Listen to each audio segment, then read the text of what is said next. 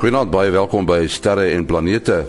Ons praat vanaand met Kobus Olkers daar in Florida, Amerika oor die uh, son, uh, hoe die son saamgestel is. En dan praat ons ook met uh Willie Koorts van die SAAO daar in uh die Kaap. Maar voor dit ruimte nuus wat geskryf is deur Herman Turin in Bloemfontein. Die Rosetta ruimtetuig van die Europese Ruimteagentskap het hierdie week by sy eindbestemming, die komeet 67P Churyumov-Gerasimenko aangekom. Dit sal met ingewikkelde manoeuvres in 'n wentelbaan om die komeet gaan en algaande nader en nader beweeg. Rosetta se landingstuig Philae sal op 9 November vanjaar op die komeet land. Rosetta het 6,4 miljard kilometer afgelê in sy tog om uiteindelik by die komeet uit te kom. In die proses het dit verskeie kere by die aarde en Mars verbygeskuur om deur die slingervelmetode te versnel sodat dit 'n snelheid soortgelyk as die van die komeet kan bereik. Philae sal 'n gat in die komeet boor om die samestelling daarvan te bepaal. Die soort inligting word benodig om die ontstaan van die aarde en die heelal beter te verstaan. 'n Nuwe model wat bereken hoe die aarde se vroeë vorming deur bombardemente van reuse asteroïdes beïnvloed is, kan meer lig werp op die planeet se eerste 500 miljoen jaar van sy bestaan. Die periode staan as die Hadiese periode bekend.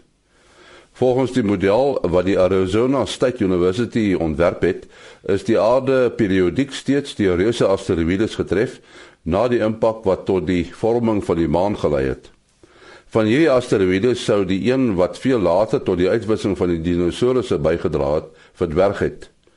Die model dui egter ook daarop dat daar 'n lang periode tussen die bombardemente kon wees en is dus versoenbaar met navorsing wat daarop dui dat daar 4,3 miljard jaar gelede vloeibare water op die aarde kon wees. Die moontlikheid dat die bombardemente tot die vorming en verskywing van tektoniese plate aanleiding kon gee, word ook ondersoek. Tot sover ruimtenis wat geskryf is deur Herman Turin in Bloemfontein. Nou, ons gesels uh, vanaand weer in sterre en planete met uh, ons manne voor die mikrofone, die Skype mikrofone. Ons het ook vir Kobus Olkers daar uit Florida, Amerika. Uh, Kobus, ons al orkaan seisoen uh, is hy nou al by julle? Ja, goeienaand en goeienaand luisteraars. Ja, uh, ons het ons tweede orkaan van die van die seisoen is nou op pad. Die se naam is blykbaar Bertha. Maar ek is bevrees Bertha gaan gaan nie na by die land kom nie. So almal al die doemprofete hoef nou maar net weg te weg te bly van die see af. Hy is besig om regs te draai. Hy kom so van Afrika se kant af. En nou draai hy regs en hy is besig om noord te gaan en die die mense in IJsland moet bevrees wees. Nie dat daar regtig 'n probleem is nie want teen daai is, is die water al afgekoel en hy sal geen energie meer hê nie. Maar ja, ons ons kyk al na na 'n paar tropiese storms en laagdrukstelsels wat die potensiaal het om uh, om orkaan uh, orkane te vorm. Kobus soos jy nou sê Bertha, is dit sal dit nou 'n Afrikaanse, ek bedoel sal dit nou 'n 'n 'n meisienaam of 'n mansnaam wees want hulle sê dit is net die die die die meisie orkaan en meisienaam orkane wat die gevaarlik is. Die mansnaam lyk like my is nie so gevaarlik. ja, in die ou dae het hulle mos hulle mos net na dames vernoem. Maar deesdae is dit nou elke hulle hulle alterneer. Die eerste een is is 'n mansnaam, seker maar Albert of so iets en dan is dit seker maar Bertha en dan kom maar seker weer iets soos Charlie of Chris of so iets. En die volgende sal weer 'n vrou wees. Ons het ook vir Willie Koorts het hom nou al gehoor praat. Willie daar by die SAA oor die Kaap. Hallo Willie. Goeienaand almal. Nou ons uh, praat hoofsaaklik oor ons ster, die son as Kobus Olkers by ons is. Uh, jy weet dit mos hier van daai vasvraag goed 'n mens kan vir 'n ou vra wat's die naaste ster aan ons? En dan hoor jy nou Alpha Centauri en nou maar op jy weet Aldebaran en so aan. Hulle vergeet heeltemal van die son. En uh, wat baie interessant is uh Kobus jy weet waarskynlik wat is ons son se naam? Want kyk die sterre het mos name Kyk, ek is nie 'n astronoom nie. Nou het jy my vasgevra. Wat ek maar altyd sien sien in die boeke Sol. Dis hy, dis presies hy. Hulle praat mos van Sol 1, Sol 2, hierdie Marsdae of waar water daarvan gepraat wil jy ek het iewers gelees gebruik hulle hierdie uitdrukking Sol 1, Sol 2 en so voort. Uh, ja, ja, ek het ook toe jy nou sê sol toe dink ek ook onmiddellik aan aan die Marsdae uh, wat dan uh, nee seker se kry onthou is dit dan soos hulle die dae op Mars meet. Nou 'n uh, Marsdag as ek reg onthou is is baie naby ons aan aan ons dag 'n uh, lengte um, nou nie heeltemal dis hoekom dit dan so gaande weg uit pas uitdra kan jy maar sê en dan uh, um, dan dan uh, raak dit nader aan as dit as die manne dan moet werk met die karretjies daar as 'n dag is daar dan sit dan sit middernag hierso by ons. Ja natuurlik 'n ander naam wat ek al gehoor het vir die son is Helios en Helios is eintlik wel eintlik vernoem na die son god van die van die astrologie en ehm um, en dan en dan sover ek onthou is is helium dan vernoem na Helios uh, die die songod want dit is eers op die son ontdek voor dit op die aarde ontdek is. So eh, 'n uh, lang draai hoe hulle helium ontdek het dan toe uiteindelik op die aarde. Helium is natuurlik nou 'n edelgas en ehm um, so helium kan jy nie maak nie So helium word nou gevorm uit die af afbreek van uh, gesteentes uh, hoofsaaklik uh, jou jou graniete diep onder die aarde en dan word die helium vasgevang en dan word dit gemyn. So uh, en dan dit klink dit dan nou ook vir my so van helium gepraat. Ons gaan uh, eers uit helium uitraak op die aarde uh, voor voor ons uit olie uitraak. En uh, en dan as ons nou dink is eintlik ironies want helium is die twee tweede mees algemeenste wat noem ons dit 'n molekuul 'n uh, uh, atoom in in die ruimte. Want die, die son bestaan omtrent iets soos 17% helium as ek reg onthou. Nee maar Kobus uh, ons ons gaan nou oor die son praat. Ehm um, nou baie van julle daar by die huis weet nou dat uh, die die aarde het 'n atmosfeer met verskillende lae uh ionosfeer en so vir die stratosfeer as jy 'n klomp lae. Nou Kobus die son het ook waarskynlik so 'n soort uh noem dit maar van 'n atmosfeer, nie soos op die aarde nie, maar daar's ook lae daar, net die verduidelik 'n bietjie vir ons hoe pas dit in? Ja, as ons die son nou van binne af buite toe neem, dan sit ons in die middel van die son sit ons met die kern van die son. En dit is nou waar die die gravitasie so sterk is. Die son is massief en die son druk druk hom homself nou in. As gevolg van gravitasie so reg in die middel is daar nou 'n klomp waterstof en die word nou saamgedruk uh deur die gravitasiekragte en die gravitasiekragte is is op daardie vlak baie sterker as die atoomkrag wat die molekules uh ag die atoom die uh die atome keer dat hou hou dit hulle stabiel is en die gravitasiekrag druk druk dus nou die waterstof baie hard teen mekaar en soveel sodat dit so so so erg is as in die binnekant van 'n atoombom uh, of 'n waterstofbom. En dan kry ons dat die waterstofatompies word met 'n kernproses gedruk totdat hulle in helium verander. En dit is natuurlik presies wat aan die binnekant van 'n waterstofbom ook gebeur. Ehm um, en die son is en so is so energiek dat hy miljoene en miljoene en miljoene waterstofbomme sterk is. Nou van daar af word die gaan die energie dan nou uit dit gaan baie baie stadig is daar's 'n redelike groot soliede stuk en die atome daar is so dig teen mekaar dat 'n enkele foton van die middel van die son af van die kern waar hy ontstaan het ehm um, tot totdat hy by die die buitekant van die ehm um, van die kom ons sê nou die soliede stuk van die son kom die soliede kern neem in die koers van net onder 'n miljoen jaar die ding kan geen reguit pad gaan nie soos wat 'n ligstraal nou maar graag wil gaan. Hy is heeltyd besig om te bots heen en weer en heen en weer uh teen die klomp atome en uiteindelik omtrent na 'n miljoen jaar dan kom hy nou by die einde van die soliede stuk uit. Bokant die soliede stuk het ons dan uh nou 'n vloeibare gedeelte en dit is die konveksiesone van die son. Ehm um, dit is nou asof 'n mens nou 'n vreeslike groot pan het wat nou die hele son vol lê. Hy word van onder af verhit deur die die vreeslike hitte nou van die van die atoomkrag. En in hierdie konveksiesone is dit soos water in 'n pan wat dan nou verhit word en dit vloei. En dit is hierdie vloei van die waarde die die die die wervelstrome en die soort van goed wat daar ontstaan wat die oorsprong is van die son se magnetiese gedrag. Want onthou net die goed is nou so warm dat dit uh vloeibare elektriese strome is wat 'n mens maar kan sê wat daar wat daar vloei. Dan nou bokant hierdie konveksiesone het ons die die die uh die kromosfeer van die son. Dit is nou die gedeelte wat ons kan sien. Dit daar begin die son al in 'n 'n tipe van 'n uh, uh, gas verander of terwyl 'n plasma en dan van daar af buitentoe is dit dan op alle praktiese doeleindes amper al buitense ruimte en ons noem hierdie gedeelte die korona van die son. Die korona is 'n massiewe groot ding. Hy is miljoene kilometers bo kan die son gaan hy nog aan.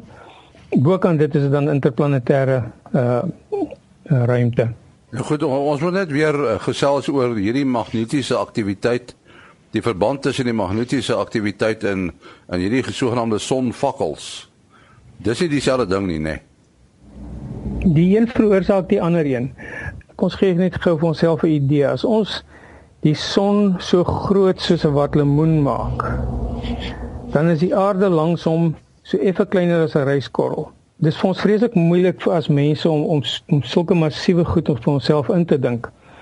Maar as mense nou kan kan neem dat hierdie hierdie hierdie groot son wat nou so groot is wat 'n miljoen keer groter as die aarde is in volume dat hy bedek is met 'n oseaan van geleidende materiaal.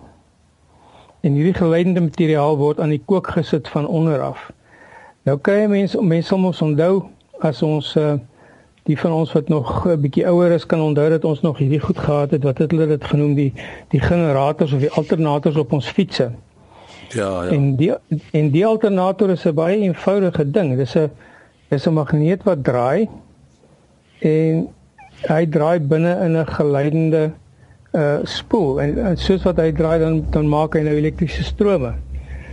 Nou in die son het ons het ons 'n soortgelyke ding, net andersom. Daar het ons nou die die magnetiese die magnete wat nou gevorm word as gevolg van die wervelstrome binne binne in die son is ons het dan hoor in 'n groot strome wat daar loop en hierdie strome veroorsaak magneetvelde. Nou as 'n mens nou kyk na 'n ding sê net maar soos 'n 'n 'n kartelende stroompie water, kabbelende stroompie water. Ehm um, dan sal ons sien daar's vreeslik baie van hierdie klein draaikolkies en stukkies wat reguit gaan en dan maak jy weer 'n ander draaikolk en al die soort van goed. As as elke keer as 'n mens nou so 'n draaikolkie kry in 'n rivier, dan maak hy mos amper so half soos 'n soos 'n uh, 'n draaikolk. En soos dieselfde kry op die son met elektriese elektriese strome wat so draai, dan het ons niks anders as 'n klomp elektrone, vreeslik baie uh, ladings wat al in die rondte hardloop. En die oomblik as 'n lading al in die rondte hardloop, dan maak hy 'n magneetveld. Uh so die goed maak nou vir ons plaaslike magneetveldjies, maar dit is baie meer kompleks as net 'n enkele draaikolkie. Daar's baie van hulle. Party gaan die kant om, party gaan daai kant om. Party is massief groot, die die grootte van die son en daar's 'n makrostroom ook wat reg rondom die son beweeg. En die son natuurlik, soos almal weet, uh teen hierdie tyd draai nie ewe vinnig nie. Hy draai by sy sy pole heel wat uh stadiger as wat hy by sy by sy ewenaar draai. Uh by die pole neem dit vir die plasma ongeveer 33 dae om rond rondom die son te gaan en by die uh en by die ewenaar neem dit omtrent 27 en 'n half dae. So nou kry ons nog hierdie diferensiële vloei ook wat nog meer draaikolke veroorsaak. So op die einde van die dag sit ons met vreeslik baie draaikolke, grootes, kleintjies, al kleiner binne in mekaar, amper amper 'n fraktale tipe oplossing. Elkeen van die draaikolkies maak nou sy eie magneetveld. Die magneetvelde van die goed kan nou of by mekaar bytel as daar 'n klompie naby mekaar is wat dieselfde koers uh draai of hulle kan aftrek van mekaar af as jy nou een het wat linksom gaan en ander gaan regsom. En op hierdie manier kry ons dan magneetlyne wat nou gevorm word wat uit die son uitgaan en wat natuurlik nou binne in hierdie konveksiesone ook ook rondgaan. En sekere van hulle kan dan bymekaar kom en en heel wat bymekaar tel en dan kry jy sien nou maar 'n baie groot area van noord op die son. En ander kan by andersom gaan dan kry jy baie groot area van suid op die son. En jy kan natuurlik wervelstroopies binne in wervelstroopies kry nou so dan uh dan kry jy binne in 'n sê maar 'n suid gepolariseerde uh veld kry jy 'n klomp noordpolarisasies. So hierdie goed kan vir alle praktiese doeleindes enige uh konfigurasie aanneem. En die oomblik as ons dit nou begin kry en jy kry sê maar 'n baie groot noord en 'n baie groot suid area En as ek nou praat van baie groot, dan praat ek van goed wat omtrent seker so 100 maal die grootte van die aarde is en baie groter. Ehm um, as die twee langs mekaar is, dan kry jy 'n 'n veldlyn wat uit die son uitgaan, net soos 'n gewone magneet. Hy gaan in die ruimte in en hy of in die uh, korona in en hy kom weer terug en dan sien ons nou 'n sonvlek, die eenvoudigste tipe sonvlek. Hy's gewoonlik baie stabiel en hy sal nie enige vakkels veroorsaak nie. Maar kry ons nou dat hier nou 'n ander ouetjie immigreer wat sê nou maar suid is waar die ander noord was en hy's nou kleiner binne en dan begin jy nou meer komplekse uh konfig magnetiese konfigurasies kry. En hoe meer kompleks hulle word, hoe groter is die kanse dat die ding gaan begin onstabiel raak want hy het naand soveel op en af en op en af met hierdie plasma as gevolg van die komplekse magneetvelde, die goed weet naand nie meer wat om te doen nie. En die energie bou op en dan op 'n stadium as die energie te groot is, dan kry jy nou 'n klomp van die plasma wat met die velde nou opgeneem word van die sinema van die noordkant af, so met 'n boog terug na die son toe na die suid toe. En as die ding begin kompleks raak, dan kry jy nou van die ander magneetvelde langs aan wat nou die die die plasma begin steel. Ehm um, van van die nou maar die groot boog af. En as jy genoeg van die goed kry, dan breek hy naand af En die oomblik as hy breek, dan maak hy 'n massiewe massiewe ontploffing wat ons in die wel ons het ons Voyager ruimtetuie wat nou al vreeslik ver is en hulle selfs hulle voel dit. Uh so die goed word amper deur die deur ons hele sonnestelsel gevoel. En dan breek hy af, jy kry 'n vreeslike klomp energie van straling, ekstrale, ultraviolet strale, maar hoofsaaklik uh ekstrale. Die voel ons dan op die aarde binne 8 minute nadat dit gebeur het, voel ons as sien ons as 'n ekstraal puls, ekstraal puls voeter ons uh ionosfeer en so aan op. En dan heelwat stadiger breek hierdie klomp plasma nou af van die son af en hy word na die ruimte ingeskiet. En hierdie ouetjie noem ons dan nou die so die eerste ding wat ons 'n fakkel noem is 'n stralingsvakkel en dit is hierdie ehm um, straling wat ons sien is binne 8 minute nadat dit gebeur het by die aarde Hierdie ander een breek dan op, dis 'n klomp plasma wat so woer woer woer deur die deur die uh, ruimte gaan. En as hy nou na ons toe op pad is, uh, dan is dit so so uh, amper soos 'n permanente magneet wat so al in die rondte stadig draai op pad aarde toe. En die kom gewoonlik so afhangende van die van die sterkte van die ontploffing. Dit kan as dit 'n superstorm is, uh soos die 1859 ene Carrington event en die een wat ons verlede jaar 2812 Augustus gehad het. Dan kom dit so binne 12 na 14 ure hier by ons aan. En as dit nou die gewone een is wat ons byvoorbeeld nou vroeër in die week gehad het as gevolg van die filament, uh dan kom hy so binne 3, 4 dae hier by ons aan. Hier goed kom dan aangevlieg teen uh tipies hier in die orde van 600 na 800 km per sekonde. En dan as hulle nou by die aarde aankom, dan doen hulle nou al allerhande marankas wat hier aangevang word wat ons dan op 'n en dalk 'n ander vraag sal kan uh, kan hanteer. Uh, ja, jy het nog gepraat van die korona. Ek weet die die die son se oppervlaktemperatuur is hier in 'n omgewing van 6000 grade en dan die uh uh, uh sonvlekke tipies so 2000 grade koeler so by 4000.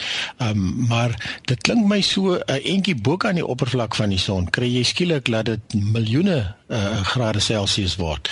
En uh, ek het al ek het al teorieë gesien dat selfs dit kan selfs akoestiese inligting soos klank kan jy maar amper sê wat wat daai geweldige ho hoë temperature veroorsaak. So kan jy vir ons dalk 'n bietjie inlig daaroor?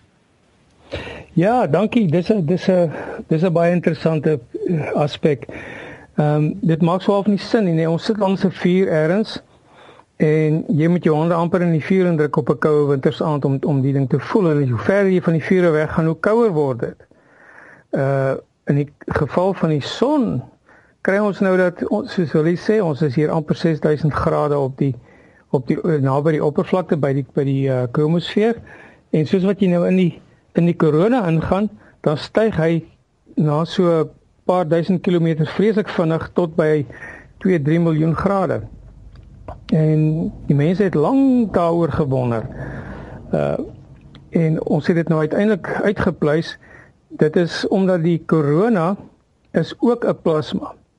En 'n plasma is mos nou jy kry nou die materie kom in in in soliede staat, sê maar soos 'n blok ys en dan kom hy in vloeibare staat soos water en dan kry jy hom in gasstaat soos stoom en as jy hierdie stoom nou nog verskriklik baie warm maak, dan klap jy al sy elektrone van die atome af en dan sit jy met 'n geïoniseerde gas en hierdie geïoniseerde gas noem ons 'n plasma.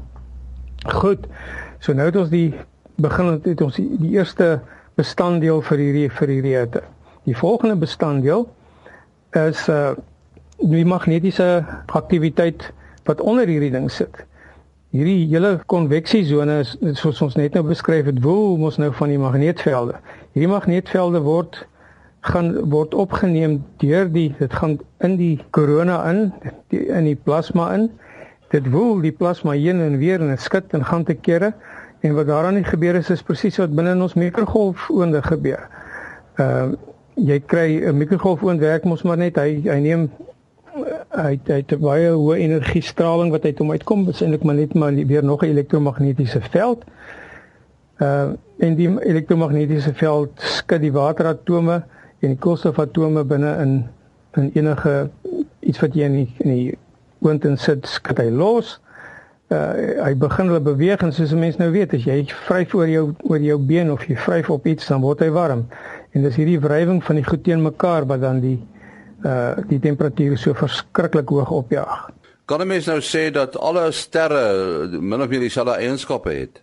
Die beginsel is almal dieselfde. Alle jong sterre uh soos ons son wat die eerste generasie sterre is, Uh, met ander woorde, hy word suiwer van waterstof af uh gevorm. As ons nou vinnig kyk na die die, die oorsprong van die son, is dit mos nou 'n klomp waterstof, 'n massiewe groot wolk van waterstof wat uh bymekaar gekom het. Ehm um, en die waterstof word dan nou gravitasioneel na mek na mekaar toe getrek en hoe soos wat die tyd aangaan gebeur dit al hoe vinniger en hand is die goed so bymekaar dan sy soos 'n druppel water. Hy moet 'n ronde bolletjie maak. En dan is hy nog net 'n 'n proto protoster. Uh en op daai stadium begin gravitasie vreeslik hard werk en dan kom ons by die proses uit wat ons net nou verduidelik het wat dit so warm raak in die middel van die van die van die ster dat hy uh die drukking so hoog raak het ons uh, uh ontsteking kry van uh kernfusie. Dan het ons nou ons ster wat ons het. En ons ster is besig om dis ons son is besig om waterstof om te skep in helium. En daar's nog genoeg waterstof vir baie biljoene jare. So ons het nie ons gaan nie ehm uh, baie vinnig uit waterstof uitgaan nie, maar aan die einde van so 'n ster dan is daar omtrent nou net net 'n paar van die ligter elemente. Daar's nou nie meer waterstof oor nie. Het nou al sy waterstof opgebruik om helium te maak en helium om lithium te maak en so aan. En dan dryf daar nou weer 'n klomp wolke rond en uit, uiteindelik konsolideer die klomp bymekaar en dan kry jy jou tweede fase ster wat nou 'n uh, swaar uit wat swaarder elemente weer brand in nog swaarder elemente in. En deur die miljoene en biljoene van jare dan uiteindelik kry jy die die die groot hierdie groot wit sterre, hierdie groot blou sterre, massiewe groot goed jy nie jy sal die name ken van hulle uh wat dan eintlik nou besig is om al koolstof te begin saamdruk dit lei uiteindelik yster en die soort van elemente kan maak. En as hulle uiteindelik ontplof en jy kry van hierdie verskriklike groot uh ontploffings in die in die in die hemelruim dan kry jy mos nou uiteindelik van die van die uit die einde van die dag 'n swart gat uit die ding uit en jy het 'n massiewe klomp yster en goud en die soort van goed wat nou die die heelal invlieg en dit is nou waar al ons elemente vandaan kom. Ons sterre is dis met ander woorde almal gebruik dieselfde beginsel. Hulle is besig om swaarder elemente te maak uit 'n ligter element uit.